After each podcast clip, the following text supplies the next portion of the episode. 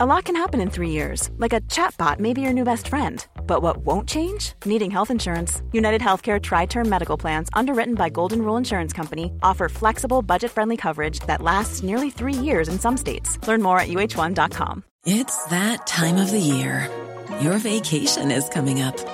You can already hear the beach waves, feel the warm breeze, relax, and think about work. You really, really want it all to work out while you're away. Monday.com gives you and the team that peace of mind. When all work is on one platform and everyone's in sync, things just flow wherever you are. Tap the banner to go to Monday.com.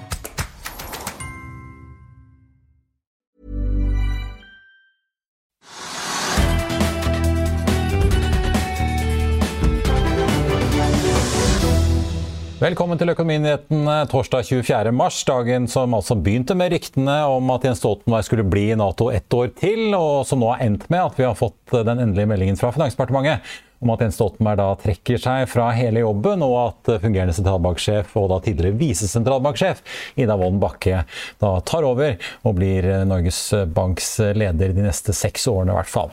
I dagens sending skal vi snakke mer om det, og vi skal også få besøk av Svedbank sjeføkonom Kjetil Martinsen for å snakke om det som selvfølgelig da kom frem på rentemøtet i dag. Men vi må begynne med det som skjer i markedet akkurat nå. USA falt jo i går, bl.a. etter et kraftig oljeprishopp. Vi så jo brentoljen steg 6% Den har ligget flatt i dag, og da ligger altså på 121 dollar fatet i spotmarkedet. I tillegg så er jo da Joe Biden på europatur, ikke bare fordi det er Nato-møte, men også fordi han skal diskutere flere sanksjoner mot Russland med sine europeiske allierte, særlig da på energifronten. Nyheten om at Russland og Vladimir Putin sier at de vil kreve betaling i rubler for å levere gass til Europa, fikk gassprisen til å skyte i været i går, så energifeltet det fortsetter å prege nyhetsbildet. MPC Containerships faller rundt 10 i dag, etter at den største eieren Star Spike selger litt over 6% av selskapet til 25 kroner aksjen. Det er rundt 3,5 kroner under gårsdagens sluttkurs. Aksjene ble solgt for til sammen 690 millioner kroner, og Spike blir sittende igjen med litt under 10% eierandel. Selskapets nest største aksjonær plukker opp en god del av aksjene. og så er det også sånn at da MPC handles eksklusivt utbytte i dag på 11 dollar cent aksjen, eller rundt da 96 øre aksjen. Aksjen handles nå for 25 kroner og 95 øre, da nesten en krone over salgsprisen til storaksjonærene. Så får vi ta med at hydrogenselskapet Nell faller 8,5% til 15 kroner og 4 øre i dag, etter at de i går kveld landet en, ny emisjon på 1,5 milliarder kroner til 15 kroner og 30 øre. Nell skriver også at de vurderer en reparasjonsemisjon, og det kommer også frem i materialet fra selskapet at da avtroppende konsernsjef Jon André Løkke foreslås som nytt medlem av styret, som tidligere varslet. Vi får også ta med at Aker BioMarin stiger 7% til 51 kroner i dag, etter at Nordea har tatt opp dekning på Krill-aksjen med en kjøpsanbefaling og et kursmål på 60 kroner. Aker BioMarin-aksjen har jo falt mye etter at selskapet gjorde comeback på børs. Den var tett oppunder 130 kroner aksjen i starten av 2021, men er altså mer enn halvert. Og så melder også plastgjenvinningsselskapet Pyrum Innovation at de har søkt om sekundærlisting på Frankfurt-børsen fra 30. mars, noe som de mener vil øke synligheten i det tyske markedet. Som vi har snakket om tidligere her, så har jo den aksjen svingt ganske kraftig, og siden noteringen i fjor høst så har den både doblet seg og rukket å falle mye tilbake. og Mye av dette har jo da vært drevet av tyske småaksjonærer som har spekulert i aksjen.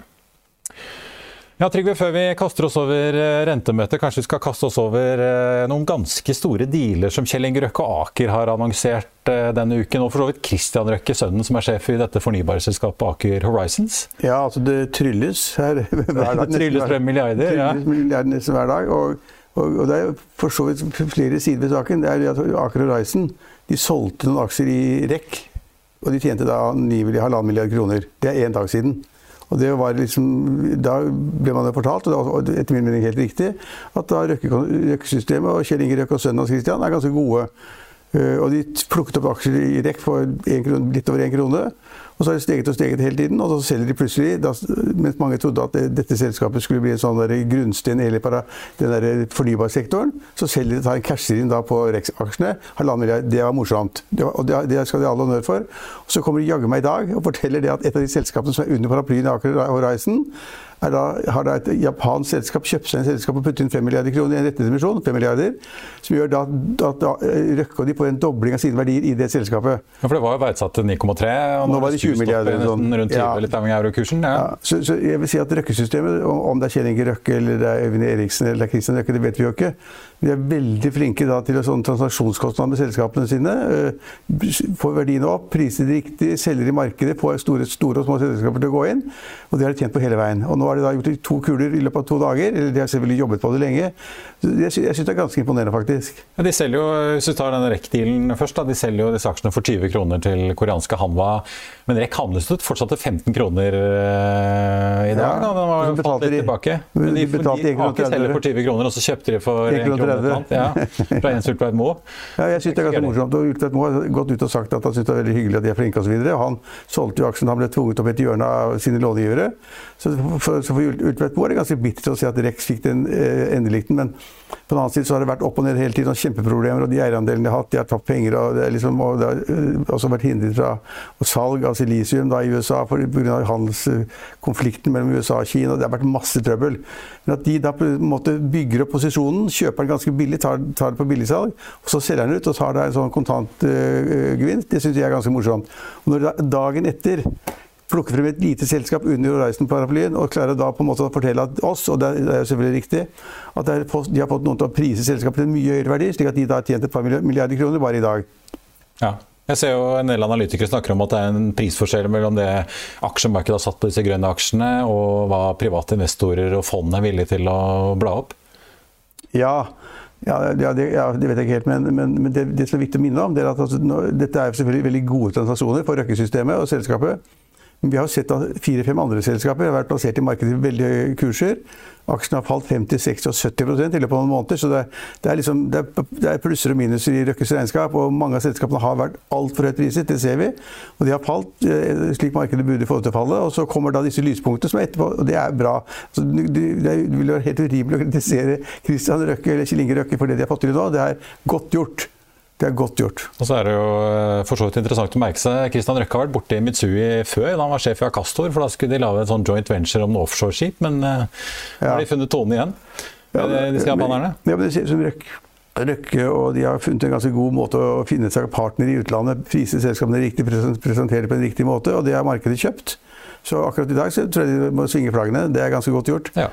Og de slipper å skrive ned investeringen av mainstream, som mange spekulerte at de kanskje måtte gjøre etter de store verdifallene som vi har hatt i fornybar. Ja, og Nå motbeviser jo den. Det er altså, klart Verdien er jo, som er kommet på mainstream nå, er jo langt høyere enn det de hadde altså, i i regnskapet i Aker Horizon bare altså 31.12.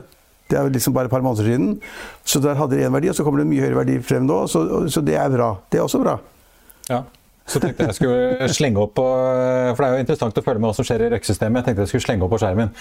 At det, er litt, eh, det har vært litt trading i Aker Carbon Capture, dette karbonfangstselskapet. Ja. Bailey Gifford eh, som kjøpte seg inn da dette skotske fondet i eh, fjor høst. eh, Og også bidro til at Aker fikk solgt unna aksjer for en milliard. De har drevet og tradet en god del, så de driver og eh, tydeligvis og spekulerer mye i verdiutviklingen i karbonfangstaksjene. Men eh, vi får eh, rett og slett gå litt eh, videre for, eh, før vi tar inn eh, dagen. Men, men vi, Ja. jeg vet ikke hva du tenkte på akkurat Marius, men vi bør iallfall nevne, få med oss, Ja. at altså det, det er interessant på Oslo Børs, det er at liksom det er ganske flatt i dag. Ja. Og så er det usikkerhet i utlandet. Det er mange store børser som er negative og røde osv. Men Oslo Børs går jo i hovedsak fordi at oljeprisen går og går. Du har nevnt det så vidt at oljeprisen er nå oppe i 121 dollar per fat. En uke siden så var den under 100. Og Og før det var den 130. Uken før det var det 130. Det er veldig vanskelig å følge med. Det er bare for de proffe, og der kan man tape pengene fort. Men Oslo Børs som sådan, altså landet Norge og AS Norge, vi går fordi at det er, oljeprisen stiger og stiger og stiger. Og så er det en, er det en stor usikkerhet i markedet om da hvis det blir full stopp for russisk olje og gass til Europa, vil da prisen gå til himmels. Og så er det da noen som spekulerer i det, som vil tenke at prisen kan gå til 150 dollar på fat, den kan gå til 200 dollar på fat. Og så er det en usikkerhet og spekulasjon i det feltet der. Og i øyeblikket så er det ser det som hovedtyngden mener at oljeprisen da vil øke ytterligere, fordi det vil bli streng av embargo mot russisk olje. Og derfor så, så tikker den opp i hver dag. Kan sitte hjemme og se på, så er det liksom 1 dollar, 2 dollar, 3 dollar, 5 6% 7% det er, altså, det er helt unaturlig for en så tung råvare som det. Så i øyeblikket så preges vi av noe som på en måte da Vi, ikke, vi, er, ikke, vi er ikke herre for det. Det er liksom da krigen i Ukraina som er stygg, og så er det da liksom da man tenker seg følgene av den blir. Men det driver Oslo Børs. så det er ikke slik at liksom, Hvis det skulle komme en eller annen melding om at det ble fred, det tror jeg ikke noe på, eh, eller noe annet som skulle tyde på at Russland fikk lov å selge så mye olje de vil, eh, at Saudi-Arabia øker sin produksjon, at Iran øker sin produksjon, eller andre øker sin produksjon, eller whatever, hvis tilbudssiden øker, så ramler jo prisen 20 dollar med en gang. Ja. Så, ja. Bare så seerne våre har det i hodet i mente, at det er ikke noe enveiskjøring der. altså. Nei, det gjelder å kanskje ikke alle eggene i en kurv heller. Nei, nei.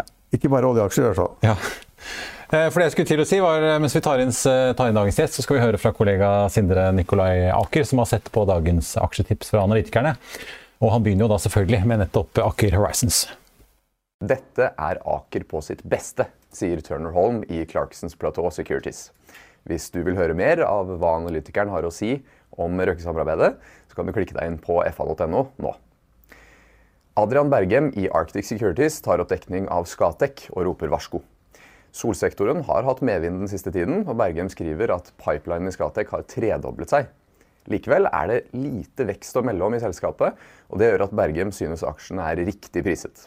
Han anbefaler hold og setter kursmål på 140 kroner, bare 6% over dagens kurs. Nå er det på tide å kjøpe Aker Biomarin, skal vi tro Nordea-analytiker Sander Lie. Røkkes omega-3-satsing har falt og falt på børs, og er halvert siden børsnoteringen i juli 2020. Li tar opp dekning av aksjen i dag og starter med kjøpsanbefaling og kursmål på 60 kroner. Kjøper du i dag, så kan du få 20% avkastning om spådommen slår til. Før vi går videre i sendingen, husk at du også kan se sendingene våre ved å gå inn på fano-tv, og at vi også har andre podkaster enn bare Økonominyhetene, som Morgenkaffen, Gründerpodkasten Veien hit, Ukens vintips, Kunstpraten og bilpodkasten Mil etter mil. De finner du ved å søke Finansavisen, der du hører på podkast. It's that time of the year. Your vacation is coming up. You can already hear the beach waves, feel the warm breeze, relax, and think about work. You really, really want it all to work out while you're away. Monday.com gives you and the team that peace of mind. When all work is on one platform and everyone's in sync, things just flow wherever you are. Tap the banner to go to Monday.com.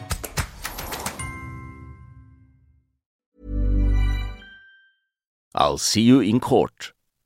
Vi sier det ofte litt på spøk, men for deg som driver business, er det aldri moro å innse at du ikke har laget en 100% gyldig kontrakt.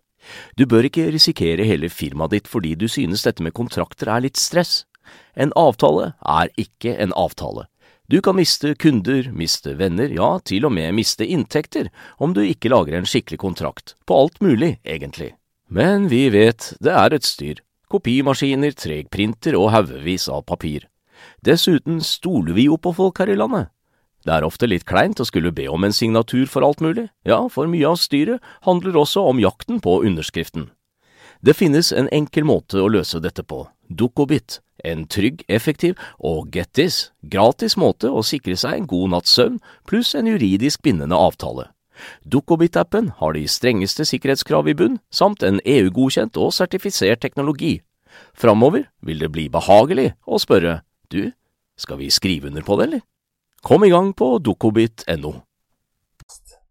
Da skal vi over til rentemøtet, for Norges Bank skrudde i dag opp styringsrenten fra 0,5 til 0,75% og de skrudde også opp kravet til bankenes motsykliske kapitalbuffer, som det heter, og varslet syv rentehevinger eh, både i år og neste år. Her er litt av det sentralbanksjef Ida Wolden Bakke sa på sitt første rentemøte, etter at hun rykket opp til topps i sentralbanken. Norges Banks komité for pengepolitikk og finansiell stabilitet har enstemmig besluttet å heve styringsrenten fra 0,5 til 0,75% Slik vi nå vurderer utsikten og risikobildet, vil styringsrenten mest sannsynlig settes videre opp i juni. Oppgangen i norsk økonomi har fortsatt etter at smitteverntiltakene ble fjernet i vinter. Arbeidsledigheten er lav, og det er stor etterspørsel etter arbeidskraft. Kapasitetsutnyttingen i økonomien ser ut til å være over et normalt nivå. Russlands invasjon av Ukraina forårsaker store ødeleggelser og menneskelige lidelser. Krigen skaper også usikkerhet om den økonomiske utviklingen. både internasjonalt og i Norge. Høye energipriser gir store inntekter til staten og kan bidra til å løfte aktiviteten relatert til kraft- og olje- og gassutvinning, men innebærer samtidig økte utgifter for husholdninger og bedrifter. Noen bedrifter kan også rammes av leveranseproblemer og sviktende etterspørsel utenfra. Slik vi vurderer det, er det likevel utsikter til at oppgangen i norsk økonomi fortsetter. Lønns- og prisveksten har Og Like før eh, rentebeslutningen eh, i dag så kom jo da TV 2 med den første rapporten om at Jens Stoltenberg plutselig skulle bli i Nato ett år eh, til. Og Kollega Ara Haram kunne jo ikke dy seg for å spørre Ida Wolden Bakke om hva hennes fremtidige karriereplaner nå er. Når det gjelder det siste spørsmålet, så ber jeg om forståelse for at alle spørsmål knyttet til Stoltenbergs tiltredelse rettes til Finansdepartementet. Da var det Asgeir ja, velkommen til oss, Kjetil Martinsen i Svedbank og uh, Trygve. Jeg, jeg, må jo begynne å spørre det. da. Nå har vi fått da, bekreftelsen på at Jens Stoltenberg uh, trekker seg, og at Ida Wolden Bakke blir sentralbanksjef. Trygve, hva tenker du? Nei, altså det, det, er en ganske rar prosess, ikke sant. Og alle har vært engasjert. og, og, og eh, spørsmålet var egentlig om altså, hvem som er best kvalifisert. Begge var kjempekvalifisert på, på forskjellige måter. og og Det er jo en kjempefjær i hatten for Stoltenberg at han ble bedt om å fortsette i Nato under en så komplisert periode. Uh, og så er det da bra at hun kommer frem. Hun var liksom holdt litt tilbake, og det var litt urettferdig. Så ble hun da visesentralbanksjef. Men Stoltenberg ville hjem, det er jeg helt sikker på. Han har liksom vært ute i åtte år, og det var nok. Og han har tjent godt, skattefritt i mange år. og, og en jobb som sentralbanksjef passet han utmerket, det er jeg helt sikker på. Som utdannelse sosialøkonom, samfunnsøkonom. Og det at han må ha noe å gjøre når han kommer hjem. Så, må han, gjøre, så han passet til jobben. Jeg mente det var bra at han fikk den. Uh, men at han nå ikke får den, fordi at han da må vike til fordel for kanskje en viktigere jobb i, i Europa og i verden, det syns jeg er helt ålreit.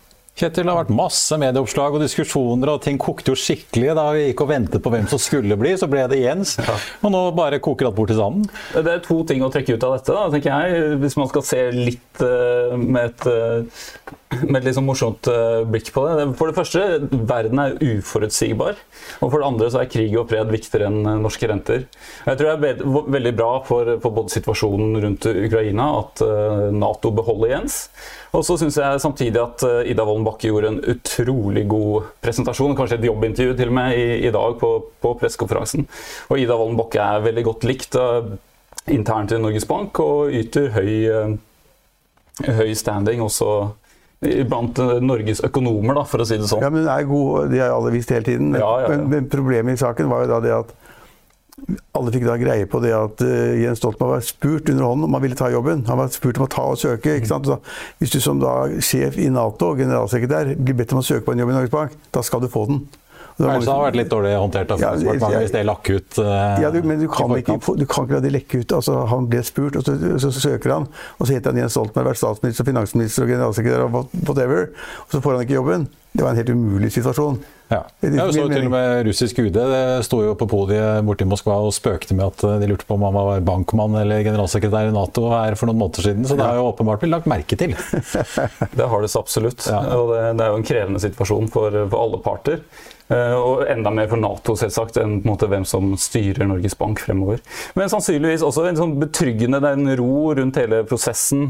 Nå er de en visesentralbanksjef for lite, da, så nå skal de ut og ansette på nytt der. Og de får på en måte Ja, pengepolitikken er inne i en krevende periode, og jeg tror det er fint å være allmann på dekk også i, i sentralbankene fremover. Ja. Men, men Marius, apropos vår litt rotete prosess, og liksom at det, det gikk bra til slutt. Ryktene i formiddag var også da det at eh, Slagsvold Vedum, Trygve Slagsvold Vedum, finansministeren, hadde gått ut og sagt at man må sette i gang en ny søkeprosess. Ja, På hele greia? Ja, på hele greia. Det tror jeg har vært gærent rykte. Altså, de det kan jo være noen formelle ja. greier her, men uh, da syns jeg i hvert fall utfallet skal være veldig åpenbart. Ja, da, kan ikke, du ikke si til henne at du skal få jobb, og så søker du, så får hun ikke. Da blir benet bare endre datoen på søknaden. Det viser jo hvor rota er, ikke sant? og hvor ryktene kommer fra, vet man ikke. ikke sant? Det var utrolig mye som sies. Så det, vi får håpe at ikke det ryktet stemte, for det ville vært utrolig også dårlig håndtert av Finansdepartementet. Igjen. Ja. Men dere skal vi snakke litt renter. Ingen ble vel overrasket over at renten eh, gikk opp i dag, men det kunne jo nesten virke som valutamarkedet ble litt overrasket. eh, For kronen har jo styrket seg ganske mye mot både euro, pund og dollar i dag. Ja, men jeg syns kronen har i stor grad har vært ganske sterk gjennom hele Ukraina-krigen, for så vidt. Man tenker jo ofte at når det blir økt usikkerhet, risiko, eh, man søker til trygge havner En av grunnene til at amerikanske dollar har gått eh, sterkere over den siste, siste tiden, er jo nettopp det at man, man ønsker seg bedre likviditet. Men så har oppgangen i alt av energipriser vært så kraftig at eh, det har fungert mer enn bra nok for en støtpute for, for norske kroner. Og du kan Du tror ikke liksom at folk, altså Markedet der ute ble overrasket over eh, den rentebanen som Norges Bank legger opp til, som jo er høyere enn den vi så på forrige møte? Så absolutt, dette er en av de kraftigste rente, altså renteprognoseoppjusteringene som Norges Bank har eh, levert. Nå har ikke jeg sittet og finregnet på, på alle banene her, eh, men bare sånn et raskt blikk på alle disse hårstråene til, til Norges Bank, så, så skiller den seg veldig kraftig ut. Og det er klart det er støttende for på en måte rentedifferanser og synet som, eh, som markedet har der, også hva gjelder valutamarkedet. Og så er det, veld, det er store strømmer som pågår nå i kall det store finansmarkedet. Eh, både som følge av dagens situasjon med høye olje- og gasspriser, men også kall det mer de langsiktige strukturelle endringene sikkerhetspolitisk og energipolitisk. Eh, man har tenkt at hele energipolitikken til Europa, taksonomien, det har liksom ligget på miljøbudsjettene. Ganske små greier, selv om satsingen har vært ganske stor. Nå sier man jo egentlig at man skal bli uavhengig russisk olje og gass ganske snarlig. Og Da er det lett å se til Norge og tenke et Nato-medlem, alliert, masse olje og gass. Det er stedet vi skal være. Og så kan man jo begynne å drodle litt rundt hele denne svekkelsen av kronen vi hadde fra la oss si 2014, altså oljenedtur, ja, inn i 2019 for så vidt, frem til eh, pandemien. Til tross for at Norges Bank hevet renten, og det så jo egentlig ut til at rentedifferanser og rentehevingen til Norges Bank ikke hadde noen særlig effekt. Eh, Og det handlet nok mest, tror jeg, da, om at de store globale oljeselskapene solgte seg ut av norsk sokkel. Og dermed så solgte de veldig mye norske kroner. Eh, Enten de eller motparten som kjørte, At kjøpte det. ikke, og at Norge kanskje ikke var så Ja, interessant. og nå kan man eh, tenke at dette kan snu litt. Norge, norsk eh, sokkel har igjen blitt strategisk viktig i et globalt perspektiv, og særlig for Europa. Hva tror du, Trygve? Tror du at liksom kronen får en renessanse nå? eh? Nei, men jeg er, ikke, jeg er ikke uenig i det som blir sagt, men, det- men det er ikke i dag kronen har styrket seg. Altså, Nei, det er dagene før. Det er dagene før. før. Så det har ligget en underliggende tone der at liksom kronen var da mer ettertraktet. Det man kunne tenke seg, for at normalt, som du sier, så løper man til dollaren. Det er liksom sikkert og greit, da vet man det er. Men den har ligget underliggende og steget i mange dager. Og det er, for, og det er etter min mening det er åpenbart det er sammen med oljeprisen. Det er mange ting som påvirker den valutakursen, men, men, men, men oljeprisen og energiaksjer og liksom Norges sterke økonomi har folk sett at den der oljeprisen, hvis den stiger og stiger og stiger, så er det til gangs for krona. og Da har folk begynt å kjøpe kroner. og Så, det, så det, det har vært en sig i kronekursen i ganske, en, en, en stund. Ikke bare i dag, det er det jeg prøver å si. Absolutt, og jeg deler veldig mange av de eh, resonnementene der. Samtidig har vi sett over de siste årene, også i 2019 for så vidt, at denne korrelasjonen da, mellom oljepris og kronekurs ikke har vært så stabil som den har Ikke vært tidligere. men den er der nå. Så nå er jo ikke sant, olje og energi er, er tema alle går og tenker Olje på. er jo trenden igjen. Ja, olje er blitt sant. Men dere, altså Ja, og 121 dollar per fat er mye. Ja, Historisk sett, og det er, liksom, det er ikke så mange år siden det var liksom null. Og, i norske, altså, og oljeprisen i norske kroner har jo bikket vel 1000 kroner fatet Ja, på det verste her, ja. det verste her ja. litt tidligere. Så folk har fått med seg det. Folk tror at Norge kommer til å bli sterke pga. oljeprisen og gassprisen. Det er jeg sikker på. Men det var jo fascinerende å sitte og egentlig høre på hele den seansen eh, ledet av Vollen Bakkedag med alle disse direktørene for finansiell stabilitet og pengepolitikk. Altså, De snakker jo om at veksten, eh, altså arbeidsmarkedet er strammere enn de trodde, prisene stiger mer enn de trodde, boligprisene stiger mer enn de trodde. Altså, det er veldig mye som går for full maskin. Og så skisserer de da at eh, styringsrenten skal til halvannen prosent utgangen av året i år, og 2,5% neste år. Treffer de omtrent, eller tar de for lite i, for mye i? Jeg tror de treffer eh, i år, og så tror jeg de stopper der. Og det, men det er fascinerende. ikke sant? Hvis du tenker litt større på det, hva er det sentralbankene egentlig driver med nå? Eh, I veldig stor grad så handler det om at de har blitt redde for inflasjonen. Det har de ikke vært på de siste 20 årene, all den tid man har drevet med eh, inflasjonsstyring. Og plutselig skal du bruke da egentlig konjunkturen, du må bremse etterspørselen for å få ned eh, inflasjonen. Sånn at både Fed, men også Norges Bank tegner et veldig positivt bilde av veksten. Vi hører fra Nav i, i går om at de ser et stigende ledighet allerede fra, fra høsten av. Norges Bank oppjusterte BNP-anslagene for norsk økonomi inneværende år. Tror husholdningene opprettholder veldig sterk konsumvekst. og Det er, liksom, det er ingen grå, det er ingen skyer på, på himmelen da, i Norges Banks eh, anslag. Og er det noe jeg og alle spørsmålene går liksom i retning av hva skal til for at de begynner å heve på disse mellomliggende møtene som man ikke har gjort siden 2007, eller kommer med doble rentehevinger. Um, Det er verdt å tenke også, hva skjer kanskje til høsten allerede, da? Hvis man begynner å se litt svakere vekstmomentum. Indikasjonene vi får fra Europa, særlig på sånn konsumenttillitsindikatorer, er kjempesvake. Altså, Og det, er, ikke sant? det går på høyere energipriser, det går på at matprisene skal begynne å stige, Og vi ser liksom Men- altså, men fabrikker og Men, men det er to ting, syns jeg, akkurat nå.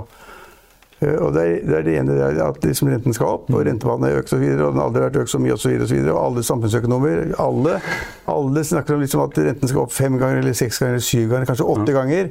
Ok, så er det sånn, da. Altså det, kanskje får de i, hovedsak rett, men da vil jo da styringsrenten ende på to eller to og en halv eller noe sånt. og Det er ikke seks eller syv prosent. Altså, og da vil boligrenten være kanskje fire eller tre. altså, Ja, ja, men altså, men altså om, de, om, de, om de øker renten syv ganger, da, så kommer du opp på 2,5 eller 2,25 eller sånt. Det det er jo ingen høy rente når du har fradragsrett på renten. Så, så jeg syns at den redselen for at det skal øke og øke, øke Finansavisen er fenomenale, så trekker frem deg og andre eksperter. Vi spør hver eneste dag, Are Haram spør og spør, og de sier ja, kommer til å øke fem ganger, og seks ganger og syv ganger, og jeg tror det kommer til mars, og juni og juli, og holder på, holder på. Og hvis man ser litt eh, realøkonomisk på det, så er det ikke så store sprang vi snakker om. Altså, så, Absolutt så, ikke. så, det, det er det ene jeg har lyst til å si. Og det andre jeg har lyst til å si, er at jeg er, du var inne på det helt til slutt, på slutten der, jeg er skeptisk til at liksom alle tror det går så veldig bra. Det, jeg kan ikke tenke meg at du skal ha krig i Europa med så store parter, og resten av Nato alle liksom in- integrert i, i baksetet, holdt jeg på å si. At du da ikke skal få noen utslag i altså redusert vekst, eh, problemer i økonomien, ledigheten kan øke. Liksom. Det er ikke alle de plussfaktorene som vi har fått høre hele tiden i norsk økonomi. Det er ikke mulig, etter min oppfatning. Og når de skal begynne å bekjempe da renteøkninger i USA på 7% eller altså da andre land på 6-7% eller og Tyskland altså vi, har jo, vi har jo inflasjon nå i noen land som er helt vanvittig i forhold til det da andre land som liksom ikke har prisstigning i det hele tatt.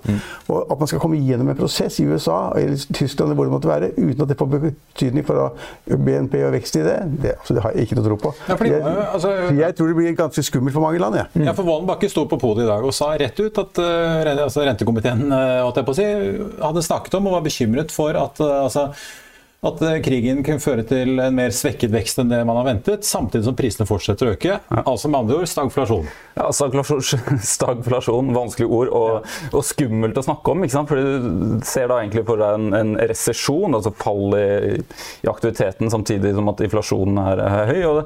det, det er selvsagt det er en åpenhet for det, og en av de største måte, risikoene jeg ser for meg nå, er at sentralbankene, ikke bare Norges Bank, men de har på en måte blitt med på, på toget da, etter den oppjusteringen eh, i dag. Ja, de har én ting i tankene, og det er å få ned inflasjonsforventningene. Jeg tror det er derfor de går så ekstremt hardt ut også. De skal banke ned inflasjonsforventningene, ikke i dag, men om et år eller kanskje to. At bedriftene i prognosene sine ikke sitter ja, ja. og legger inn uh, Absolutt. Ja. Sånn at det ikke befester seg. Sånn at man ikke går og tenker at ja, i alle kontrakter så stiger inflasjonen med 3% i stedet for 2 ikke sant? Så de skal ha så alle i økonomien skal tro på, på måte, at deres uh, inflasjonsmål er, er kredibelt. Um, og Frykten er at de tar i for hardt, og at de ikke hører, lystrer etter signalene fra realøkonomien, som nå, i hvert fall det vi har fått, særlig fra Europa, ser ganske svakt ut. Og så er det jo verdt å, å tenke på. ikke sant? Når du hever rentene, så treffer det først bedriftene og husholdningene. Men hvis du tenker på bedriftene, hvis de får økte kostnader, så øker de inflasjonen eller øker de prisene kanskje enda raskere, nettopp for å forsvare marginene sine, frem til etterspørselen faller. Sånn det er ikke unaturlig, og det ikke, ville ikke vært overraskende om vi står i en situasjon nå til høsten allerede, hvor du får litt svakere vekst. Husholdningene får økte kostnader, selv om lønnsveksten her hjemme ser ut til å være ganske god og blir bra. Eh, Men samtidig som at du har avtagende vekst, kanskje stigende arbeidsledighet, sånn som Nav tror, og inflasjonen holder seg høy, eller til og med litt høyere.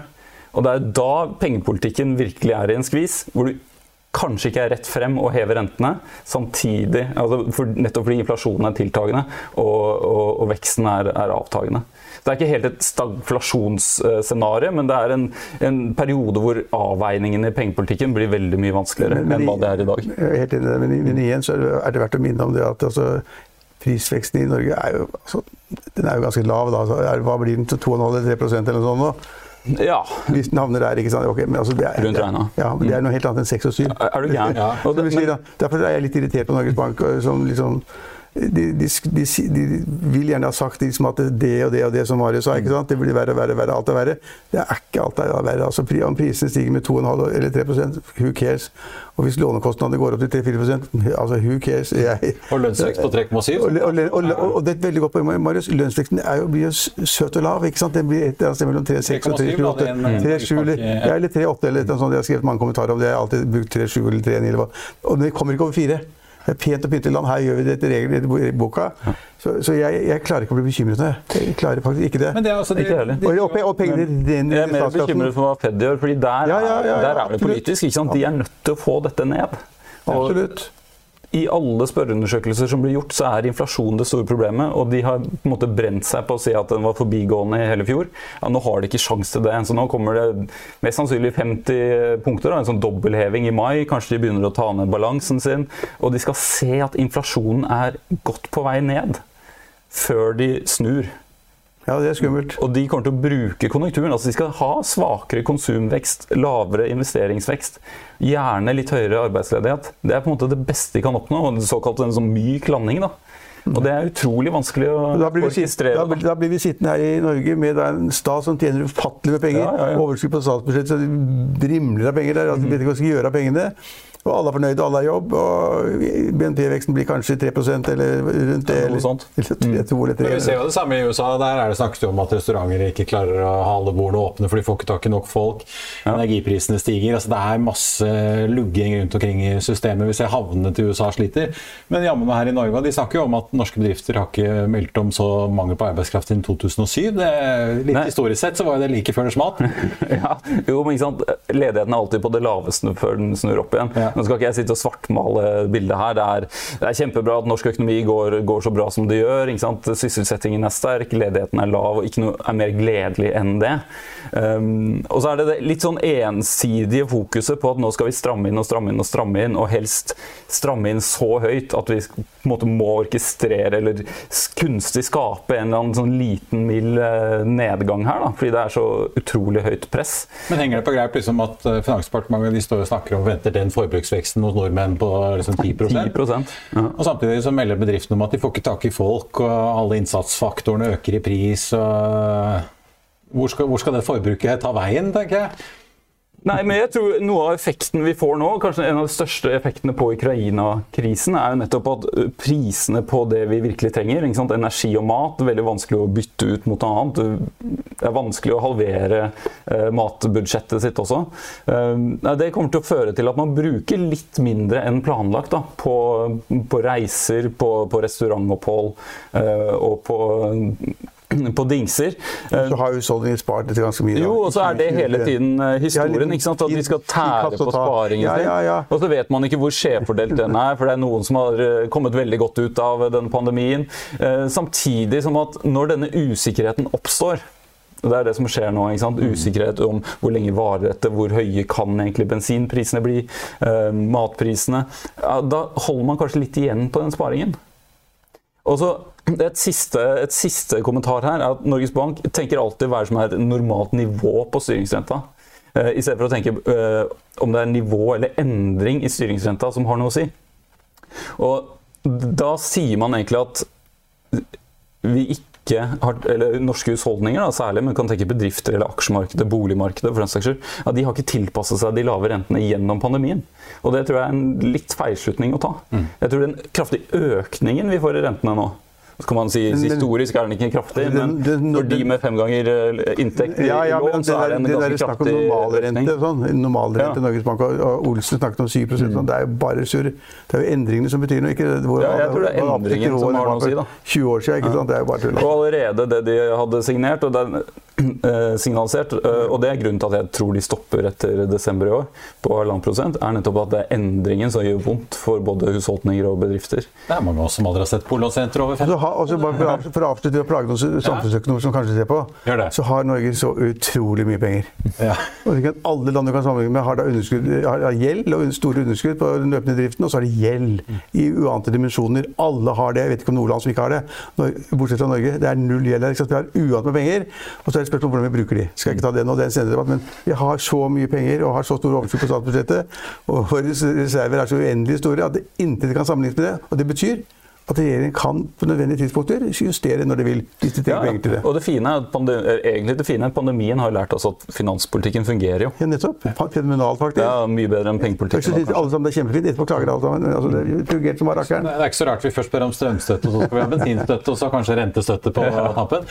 Kjell Martinsen i Svedbank, tusen takk for at du kom eh, til oss, og takk til deg også, Trygve. Og På tampen av sendingen så kan vi ta med et par nyheter fra Økokrim-hjørnet. Svedbank har annonsert i dag at estisk Økokrim har informert dem om at de nå er mistenkt for hvitvasking i perioden 2014 til 2016. Det kommer altså i kjølvannet av at det estiske finanstilsynet etterforsket eh, banken, og det kan være snakk om en bot på da 16 millioner euro, ifølge en børsmelding fra banken. Svedbank har jo på linje med Danske Bank vært under etterforskning for forhold om hvitvasking i eh, Baltikum. Og så får vi også ta med at Høg Autoliners meldte i går kveld at de har blitt ilagt et gebyr for brudd på konkurransereglene i Brasil, tilsvarende 5,4 millioner dollar. Et vedtak som selskapet sier de er uenig i. Og forholdene skal eh, handle om eh, perioden 2000 til 2012. Så får vi ta med nå på slutten av sendingen at hovedveksten på Oslo Børs er ned 0,4 og det er MPC Container som er den mest omsatte aksjen etter storsalget til hovedaksjonæren. Den er ned 11,7% Vi har jo snakket om hvor stramt arbeidsmarkedet er nå, og i Finansavisen i morgen så skriver Trygve Hegnar om at han ikke tror på NHOs spådom om at 20 000 ukrainske flyktninger kan komme seg inn i det norske arbeidsmarkedet. Du kan også lese om Pareto som jekker opp kursmålet på rigg-aksjer. Og du kan lese om fondstrøbbel i Nordea og om et Proptex-selskap som henter penger. Da er vi ved slutten av denne sendingen. I morgen er det fredag, så da er vi på luften igjen klokken 13.30. I mellomtiden får du som alltid siste nytt på fa.no. Mitt navn er Marius Lorentzen. Takk for at du så på, og så håper jeg vi ses igjen i morgen.